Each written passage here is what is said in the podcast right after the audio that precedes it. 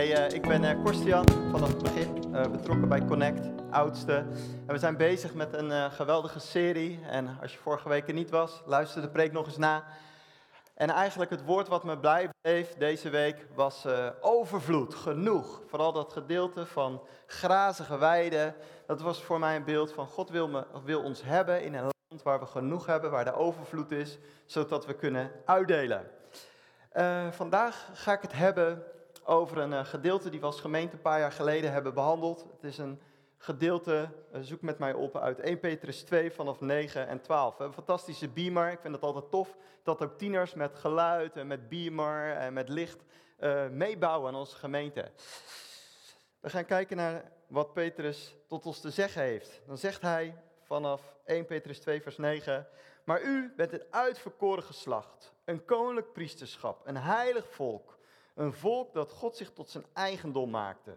Opdat u de deugden zou verkondigen van hem die, die u uit de duisternis geroepen heeft tot zijn wonderbaarlijk licht. U die voorheen geen volk was, maar nu Gods volk bent.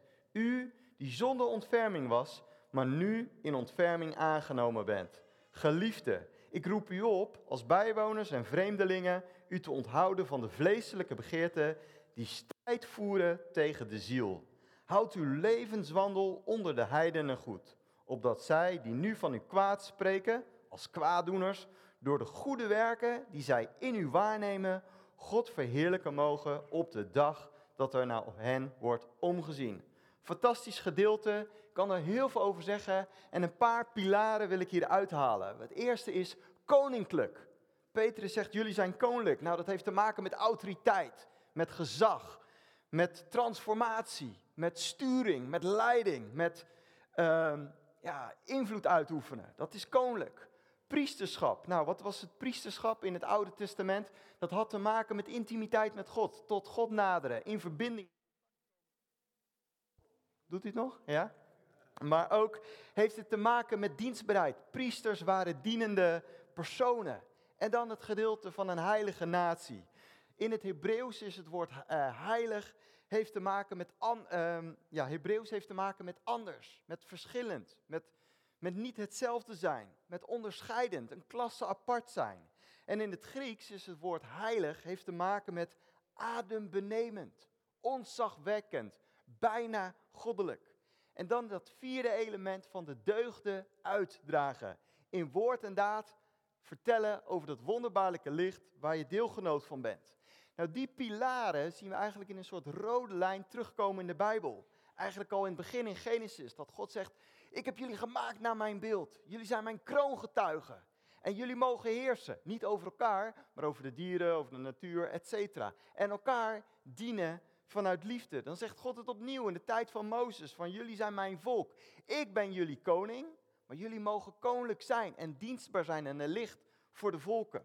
En dan zegt God het opnieuw in handelingen. Dan zegt hij, jullie, ook de heidenen, zijn een koninklijk priesterschap, een heilige natie.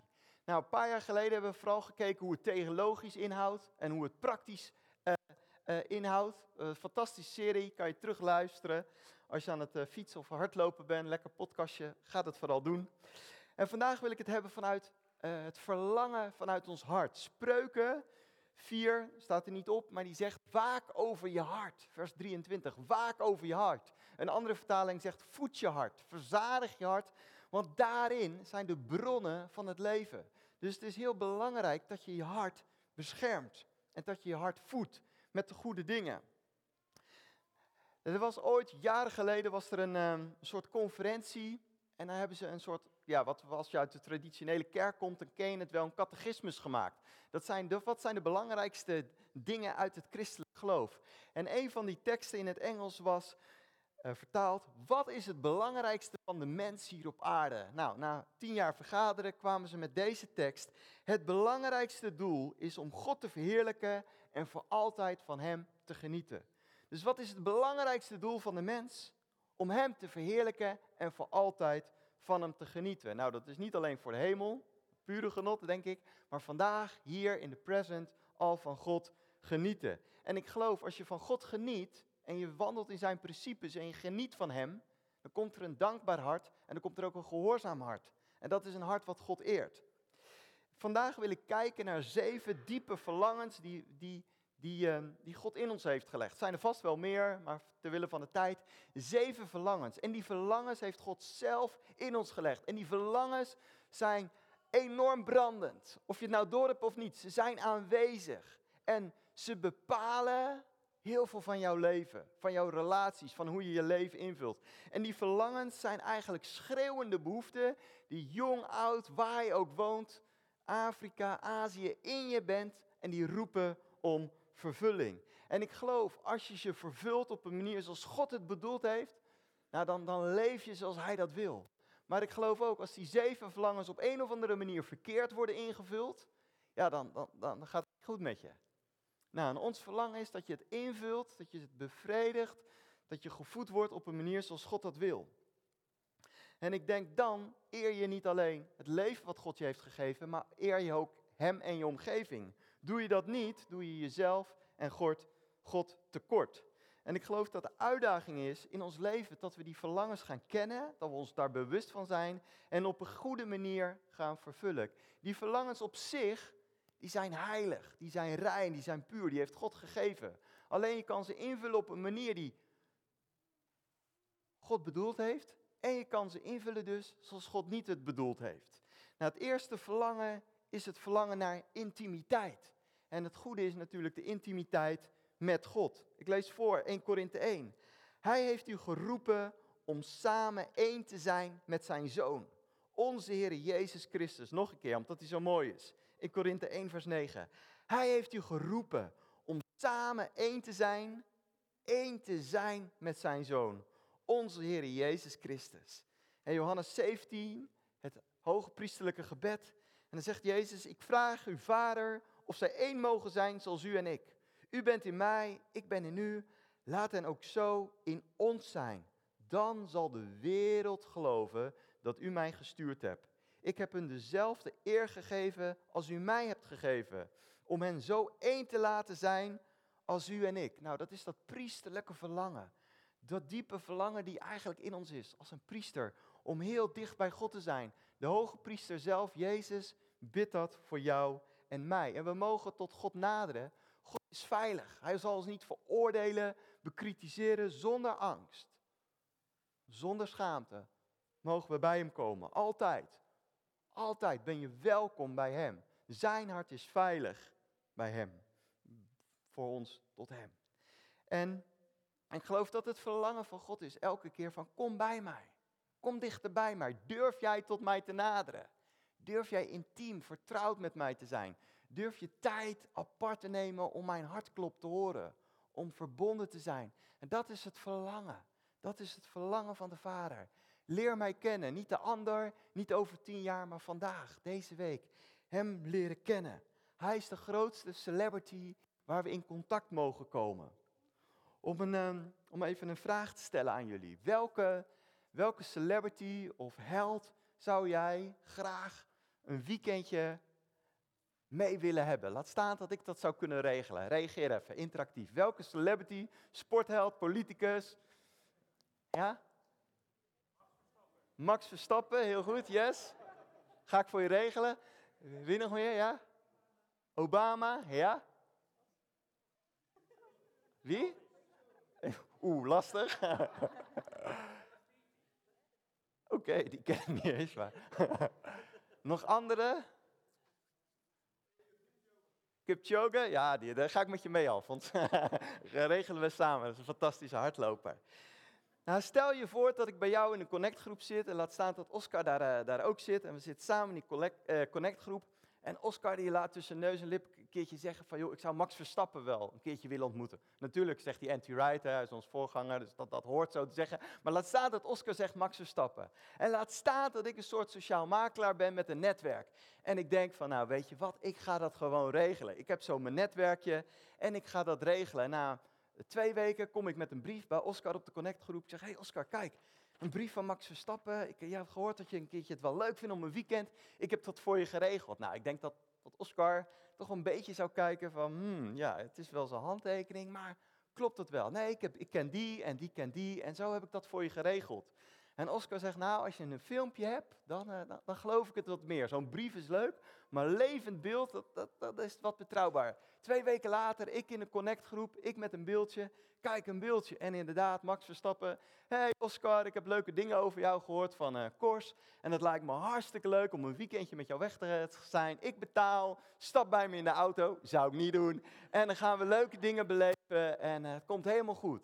En dan zegt Oscar misschien nog steeds, joh, beetje deepfake, computer. Weet je, klopt het wel? Klopt het wel? Ik zeg, nou, kom op.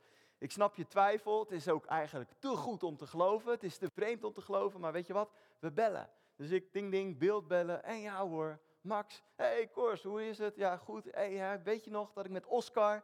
Oh ja, ja, daar zou ik een weekendje mee weg. Hartstikke leuk. En dan heeft Oscar zoiets van... hey, wauw, wat fantastisch.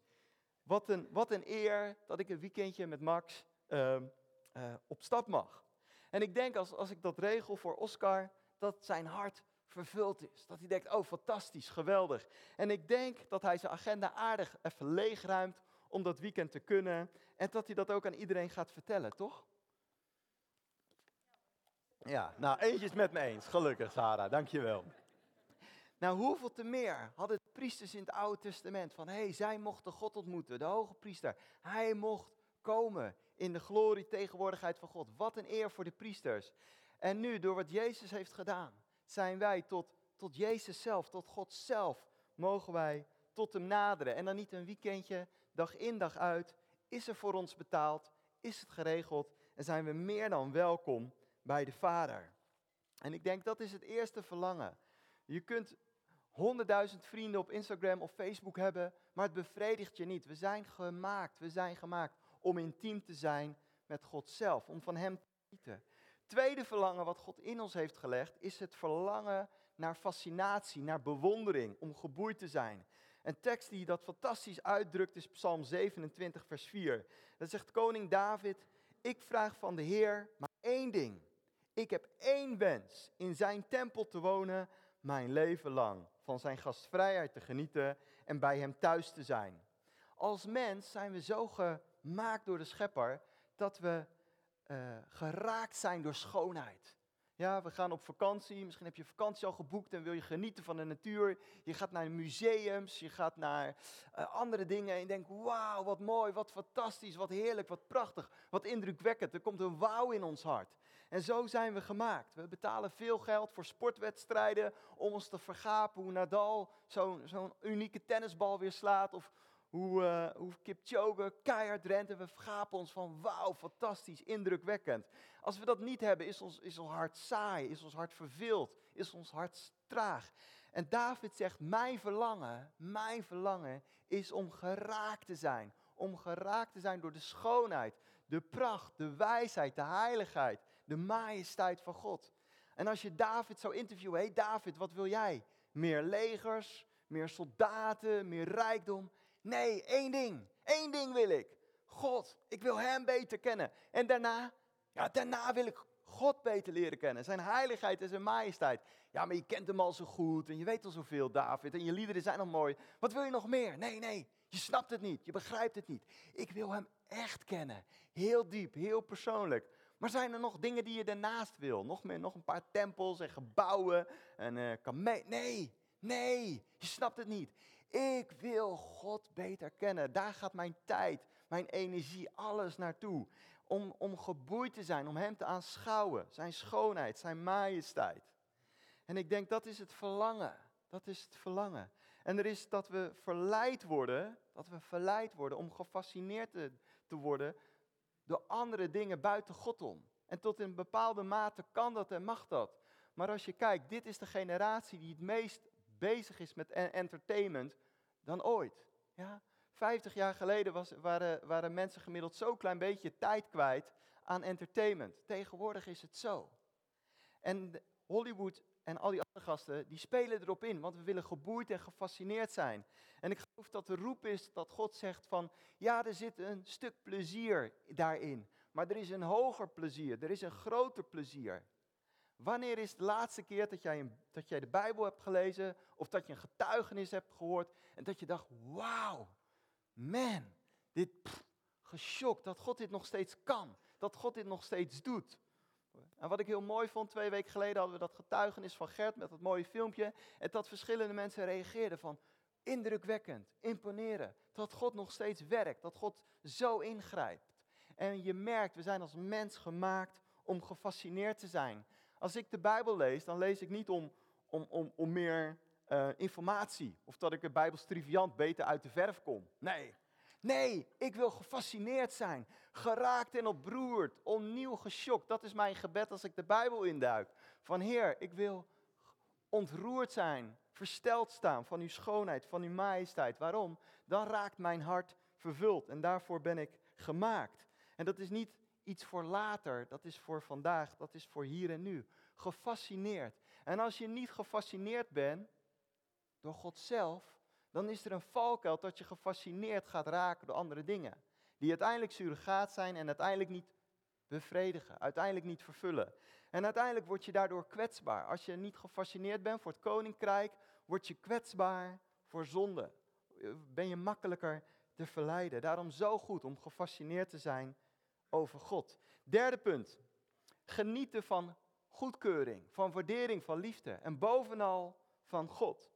De tekst Johannes 17, vers 23. Doordat ik in hen ben en u in mij bent, zullen zij een volmaakte eenheid zijn. Dan, ja, dan zal de wereld erkennen dat u mij gestuurd hebt en dat u net zoveel van hen houdt als van mij. Laatste gedeelte. Dat u net zoveel van hen houdt als van mij. Wacht, dat snap ik even niet. Ik snap dat de Vader met heel veel liefde houdt van Jezus. Hij was lief, wonderen en wijs en, en, gehoorzaam. Maar in diezelfde mate van ons, dat is toch raar, dat is toch vreemd. En toch zegt Jezus in diezelfde hoedanigheid, diezelfde kwaliteit, hou ik, houd de Vader van jullie. Wie van jullie, even een vraagje, heeft meer dan twee kinderen? Ja, verschillende. Ja, ik zal... Nou, nou, ik zou zeggen, camera's even uit. Maar wie houdt van de oudste meer dan van de jongste? Wie houdt van? Niemand? Ja, ja. Wie houdt van de jongste meer dan van de oudste? Het wordt niet opgenomen, wees maar eerlijk. Ja? Maar iedereen zegt zoiets, nee, ze zijn anders, ze zijn verschillend. Maar je houdt, als het goed is, en anders hebben we een gebedsteam, houd je, houd je van iedereen, van elk kind, evenveel. En zo is het met de vader. Hij zegt, ja, tuurlijk hou ik van Jezus. Maar daarna, hij was de eersteling, de oudste zoon. Maar daarna zijn er heel veel zonen, heel veel dochters gekomen.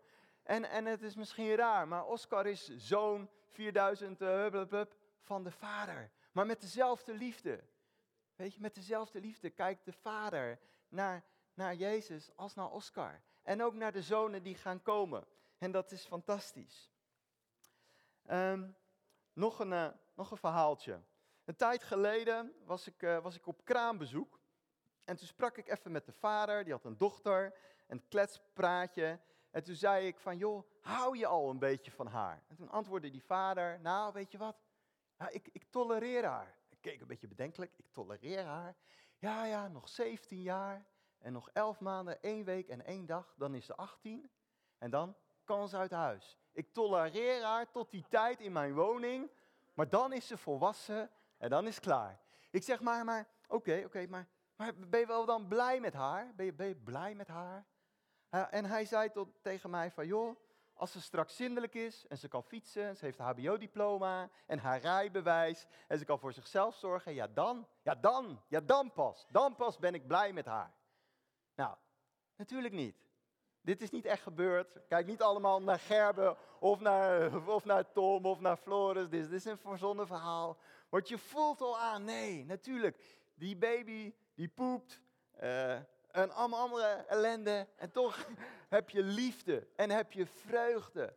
En voor dat kind. En hetzelfde is met God. Ook al ben je zwak en maak je als christen fouten. Het maakt je niet rebels. En ik geloof dat we daarin soms geen goed onderscheid hebben. Dat we denken als we een fout maken, zijn we gelijk rebels. Toen ik mijn kinderen leerde fietsen en ze vielen af en toe, dan was het niet zo dat ik zei van, joh, je bent rebels. Je bent rebels. Kijk nou eens wat je doet. Je, je valt. Je valt op van je fiets. Je bent rebels. Nee, wat nog niet capabel genoeg. nog niet ontwikkeld genoeg. En zo is het ook met God. Als we vallen, is het niet dat God zegt, rebels, ja kijk engelen, daar hebben we er weer een. Rebels. Nee, nee, zwak, nog kwetsbaar, nog aan het leren, nog aan het ontwikkelen. En dat Jezus zegt, kom op, ik wil dat je groeit, dat je volwassen wordt. En dat is het mooiste. Dus dat is het verlangen naar goedkeuring. We willen leven vanuit die goedkeuring van de Vader. Dan worden we sterker gelovigen. De vierde. We zijn al over de helft. Hou nog even vol, mensen. Vierde. Gods schoonheid weerspiegelen. In het Engels, Psalm 90, vers 17. Let the beauty of the Lord, our God, be upon us. Laat de schoonheid van God op ons schijnen. Of een andere vertaling zegt door ons heen schijnen. Jezaja 61, heel bekend, vers 3. Aan alle die in Israël rouwen, geeft hij schoonheid in plaats van as. Vreugde in plaats van rouw, lof in plaats van neerslachtigheid. Want God heeft hen geplant als sterke en rechtvaardige eiken te willen van zijn schoonheid. We zijn als mens gemaakt om schoonheid uit te drukken. Vanaf de Hof van Edal zag God, wauw, de mens, naar mijn beeld, weerspiegelt schoonheid. En we kunnen dat aan de ene kant doen via ons uiterlijk. Weet je, kleine kinderen, vooral mij, die doen dat al. Prinsessenjurk aan. Kijk eens, ben ik niet prachtig? Ben ik niet mooi? En uh, kronen, en weet ik het wat allemaal, sieraden, ben ik niet mooi? En tienerjongens, die doen met stoere kleren, eh, spijkerjekjes en andere dingen. Ben ik niet stoer? Zie ik er niet goed uit? Een verlangen naar schoonheid uit te drukken. Dat koninklijke, dat waardige van, hé, hey, ben ik niet mooi? Als ik nieuwe kleren heb gekocht en ik doe het weer aan, dan voel ik altijd iets meer zelfvertrouwen. Van, nee, ah, yes, weet je. Waarom? Omdat we gemaakt zijn om schoonheid uit te drukken. Maar nog meer naar innerlijke schoonheid. En we gaan zo even naar een plaatje kijken. Die kan op het beeldscherm. Innerlijke schoonheid, daarvoor zijn we gemaakt. En als we dat zien, denken we, wauw en fantastisch. Um, ja. Nee, het plaatje mag uh, op, uh, Nathan, als het lukt. Ik ga verder. Wij zijn een spiegelbeeld, een reflectie van God. God is ultieme schoonheid, ultieme schoonheid. En jij en ik zijn gemaakt om vanuit ons karakter, vanuit zoals we zijn, schoonheid uit te drukken. Super, dankjewel. Ik zal iets aan de zijkant als dat gaat. Wat je hier ziet is, is een jongen, die loopt volgens mij een halve marathon. Hij heeft helaas maar één been. En het is ook nog in de stromende regen.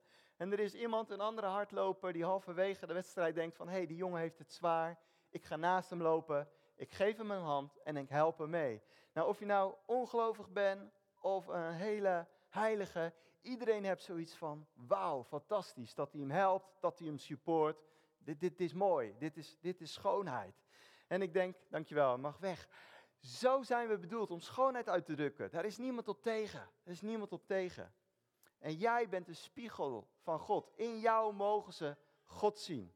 En ik denk als we zo, als, en ik denk als je zoiets doet, ik weet niet of je zoiets ooit hebt gedaan, dat je iets hebt gedaan echt voor de ander, dan merk je bij jezelf, hé, hey, dit is goed. Niet dat je dan een extra stoeltje vooruit mag in de hemel of zo, nee. Maar dat je voelt, hé, hey, dit is goed, dit is mooi, hiervoor ben ik gemaakt. En denk, dan heb je het leven, het vervulde leven. Vijfde verlangen, dat is een, het leven met toewijding en passie. Matthäus 22, vers 37 zegt: Heb de Heer uw God lief met heel uw hart, met heel uw ziel, met heel uw verstand. God vraagt hier nogal wat. Man, met heel je hart, met heel je ziel, met heel je verstand, met alles. Wat een veelvraat, bijna zou je denken. Maar weet je, op deze manier houdt God ook van jou. Hij houdt van jou met zijn hele hart, met zijn hele ziel, met al zijn kracht, met alles wat, in die, wat hij in je in zich heeft. En op dezelfde manier zegt hij van, ik hou op die manier van jou en ik wil dat jij ook op die manier van mij houdt. En wat is dat fantastisch? En dat is onze gepassioneerde God. God houdt van ons met passie. En ik hou van mensen die gepassioneerd zijn. Ik, uh, een vriend van mij die doet iets met zorgboerderijen in Malawi, in Afrika. Ik heb helemaal geen verstand van. Ik snap helemaal niks van, ik begrijp er helemaal niks van. Maar als hij vertelt, ik word vanzelf enthousiast. Ik raak zelf van, wauw, fantastisch. Dat doet passie. Passie werkt aanstekelijk. En ik heb zijn verhaal al twintig keer doorverteld. En nu ben ik zelfs ambassadeur van die organisatie, terwijl ik eigenlijk helemaal niks van snap. Maar waarom? Ik ben aangegaan op die passie, op die enthousiasme. Passie is aanstekelijk. En ik geloof van als je leeft vanuit passie, vanuit toewijding, dan leef je met een vervuld hart. Daar zijn we voor geroepen. Als je eigenlijk niks zo saai als saaie mensen. Ja, dat is echt saai. En God zegt van, je bent gemaakt om gepassioneerd te zijn. Niemand gaat graag om met mensen die hartstikke saai zijn. Nee, maar als je passie hebt, maakt niet uit wat het onderwerp is, dan gaat je, ga je aan. En God zegt van, wees gepassioneerd. En dat maakt niet uit hoe hoog je springt in aanbidding. Het gaat om een hart wat, wat de juiste keuzes maakt. Passie laat zich zien door keer op keer de juiste keuzes te maken. Zesde, ene laatste verlangen, fantastisch verlangen, is het verlangen naar grootheid. Matthäus 20, vers 26. Wie van jullie de belangrijkste wil zijn, zegt Jezus hè, tegen zijn discipelen, zal anderen moeten dienen. En, wie van jullie de eerste wil zijn, zal jullie dienaar moeten zijn. Zoals de mensenzoon niet gekomen is om gediend te worden, maar om te dienen. Nou, de discipelen hadden, hadden best een leuke discussie. Wie is het belangrijkste? Wie doet het het beste? Wie is het allergoeiste? Ja, dat was de discussie. En Jezus zegt niet van, dit is een verkeerde discussie. Dat verlangen mogen jullie niet hebben, wie het belangrijkste is. Hij zegt nee, hij bestraft dat niet. Hij zegt, oh jullie willen belangrijk zijn en van betekenis en groot. Nou, dat is mooi, dat is fantastisch. Maar, maar, maar, let op, zegt hij dan. Vul het in op de juiste manier. Niet zoals anderen doen. Wil je groot zijn? Koninkrijk is 9 van de 10 keer van God op zijn kop. Wees de minste. Wees de kleinste, degene die dient. Ja, en dat mag ieder op zijn eigen manier doen. Wat de vrijheid van God, dat je je gaven en talenten mag gebruiken. Als je kijkt naar bijvoorbeeld bekende namen als uh, Moeder Teresa, Corrie ten Boom, Dirk Prins, Reinhard Bonke. Allemaal mensen die grote dingen hebben gedaan voor God, die wij kennen. Maar allemaal op een andere manier. Jij mag op je eigen manier, zoals God de goede werken die hij, hij heeft voorbereid, daarin wandelen. En misschien zeggen andere mensen hier op aarde helemaal niet, dat is groot. Het gaat erom dat God zegt, ja, ik vind het groot. Ja? Heel vaak doen we het voor, de, voor het publiek. En hebben zoiets, ah, als je op het podium staat met een microfoon en voor duizenden, dan ben je groot. Jezus zegt dat glas water, die gevangenenbezoeker, die ene, dat kind, dat, dat is groot. Dus zoek altijd niet de grootheid van mensen, alsjeblieft. Niet de grootheid van mensen, maar zoek de grootheid van God. Wat mezelf heel erg raakt, een van mijn favoriete Bijbelleraren, die leerde ik al twintig jaar geleden kennen. Een man van gebed. En die zei toen al, had hij één slogan. Ik wil niet de beroemdste bidder worden, ik wil de trouwste bidder zijn. Ik wil de trouwste bidder zijn. Niet de grootste, bekendste en beroemdste. Ik wil de trouwste voorbidder zijn die er is. Dat, dat vind ik grootheid. En nu heeft hij honderden gebedshuizen mogen oprichten. Waarom? Omdat zijn prioriteit goed was. Grootheid in de ogen van God. En ik wil je echt vragen van, ik kan niet voor jou dromen, gelukkig niet. Maar wat is jouw droom? God heeft een droom voor jou. Samenwerken met Gods droom. Hoe mag jij groot zijn? Misschien een connectgroep leiden. Misschien een paar geestelijke, uh, geestelijk vader zijn voor een paar geestelijke zonen. Wat is de grootheid die God aan jou wil geven? En ik denk, als je daarmee bezig bent, als je daaraan toewijdt, als je daarmee bezig bent, ja, dan heb je een vervuld, dan, dan heb je een vervuld hart. Het laatste verlangen, het laatste verlangen wat verlangt erna om vervuld te zijn en daarmee ook gepassioneerd te zijn over God. Dat heeft te maken met duurzame impact. In de derde brief van Johannes, het eerste hoofdstuk, vers 3, daar staat: Tot mijn grote vreugde vertellen broeders mij bij hun komst hoe u de waarheid trouw blijft en de weg van de waarheid bewandelt. Niets, nee, niets bezorgt mij grotere vreugde dan te horen dat mijn kinderen de weg van de waarheid gaan. Ja, ja. Dus Johannes, zijn grootste vreugde, dat was weer zijn grootsheid, was dat zijn discipelen in Gods waarheid gingen. En hij zegt van, dat heeft het gevoel van impact, het gevoel van een verschil. Jij bent gemaakt om een invloed te zijn, om een verschil te zijn, om iets bij te dragen aan het leven van een ander. Wat ik, eh, ik heb een aantal jaren in de, in de psychiatrie mogen werken en met, met depressieve mensen. Wat ik heel vaak hoorde is van ja, mijn leven doet er niet toe. Ik heb geen impact, ik heb geen invloed. Waarom waren ze depressief en somber? Van ja, ik, ik, ik kan niks meer geven. Ik maak geen verschil. Ik, ik doe er niet toe.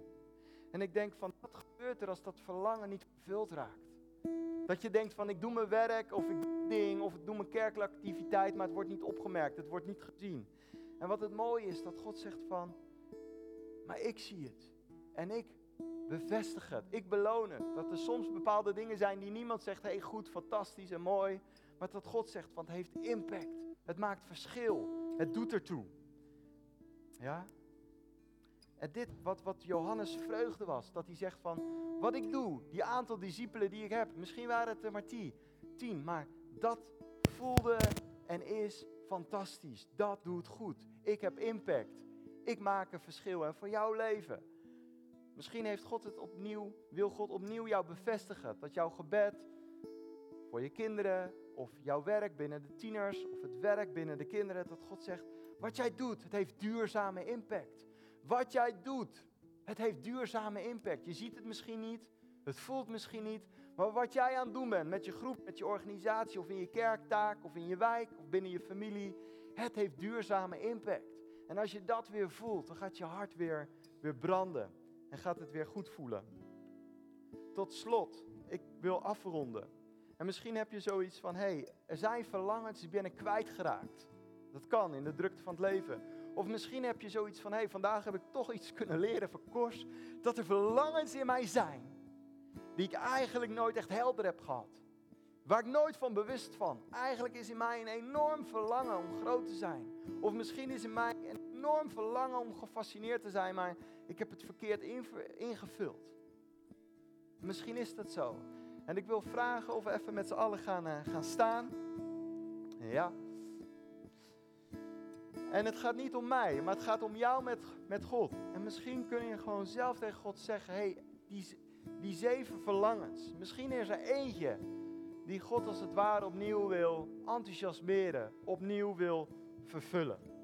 En daarvoor wil ik bidden, maar ik wil je vooral oproepen: communiceer zelf met God. Ik kan dat niet doen voor je. Ik kan een voorzetje geven, dat ga ik zo ook doen. Maar ga hem zelf, zeg maar, contact maken met God. Ja, laten we dat doen. Vader, ik wil u danken voor al deze mensen hier, maar ook thuis. En ik wil u danken, Heer, dat u de bron van leven bent. En uh, lieve Vader, ik wil u danken dat u de bron bent van voldoening, van verzadiging.